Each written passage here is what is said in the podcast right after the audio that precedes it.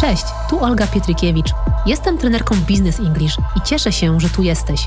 Zapraszam Cię na podcast English Pro. Jest to przestrzeń do rozmów o profesjonalnej komunikacji w języku angielskim. Uczę metod, chwytów i słów. Posłuchaj, na co położyć nacisk, by skutecznie komunikować się nie tylko w biznesie.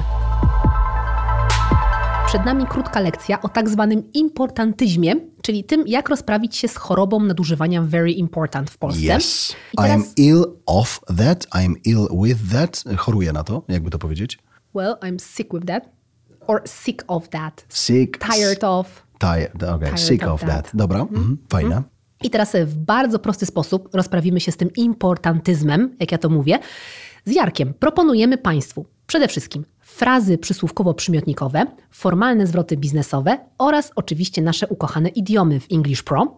Na początek przysłówki z przymiotnikami, które pozwolą nam wyeliminować very important. I to są na przykład immensely relevant, tremendously vital, hugely significant, vastly relevant, highly significant i ukochane w Polsce immensely crucial.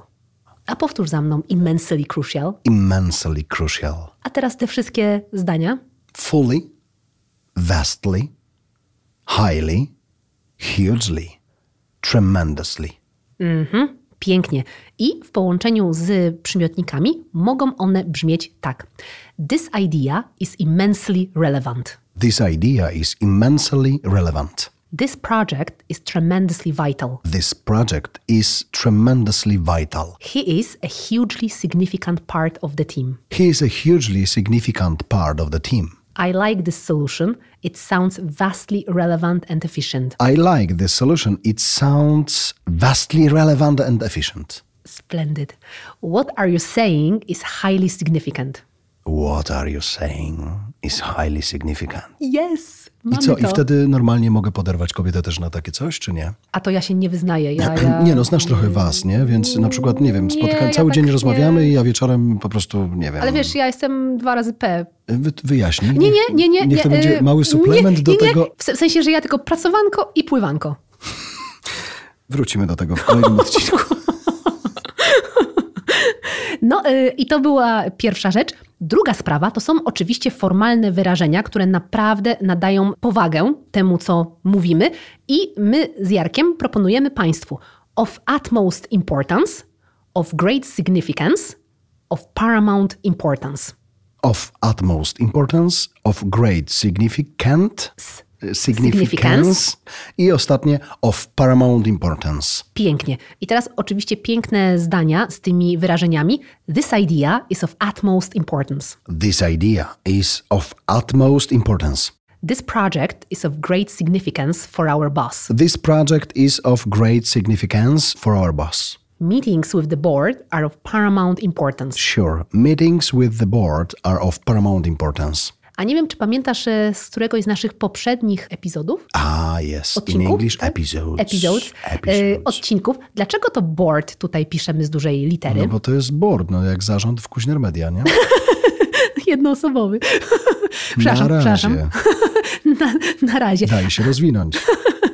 No, dlatego zawsze jeśli mówimy o zarządzie, board musi być pisane z dużej litery i najlepiej jeszcze przed wstawić the, the board. The board. Last but not least, nasze ulubione idiomy. I na przykład mamy takie wyrażenie This is a big league matter. This is a big league matter. Oczywiście idiom tutaj to jest Idiom big league. wspaniale. Big league. Następne, czyli twoja choroba. We are dealing with a life and death situation. Sure. to prawda. I am dealing with a life and death situation. Nie no, serio, Jarek, ty masz tyle lekarstw na stole, że to by można było po prostu szwadron wojska tym y, wyleczyć. To po prostu wszyscy- wszystkich poległych w Normandii by postawili na nogi. We are dealing with a life and death situation. Przejdźmy do kolejnego. Kolejne z przymiotnikiem high. It's high on the list. It's high on the list. Oczywiście, wysoko na naszej liście priorytetów. Ja po prostu szukałem dobrego słowa, jak powiedzieć, że jesteś wysoko na mojej liście zwolnień.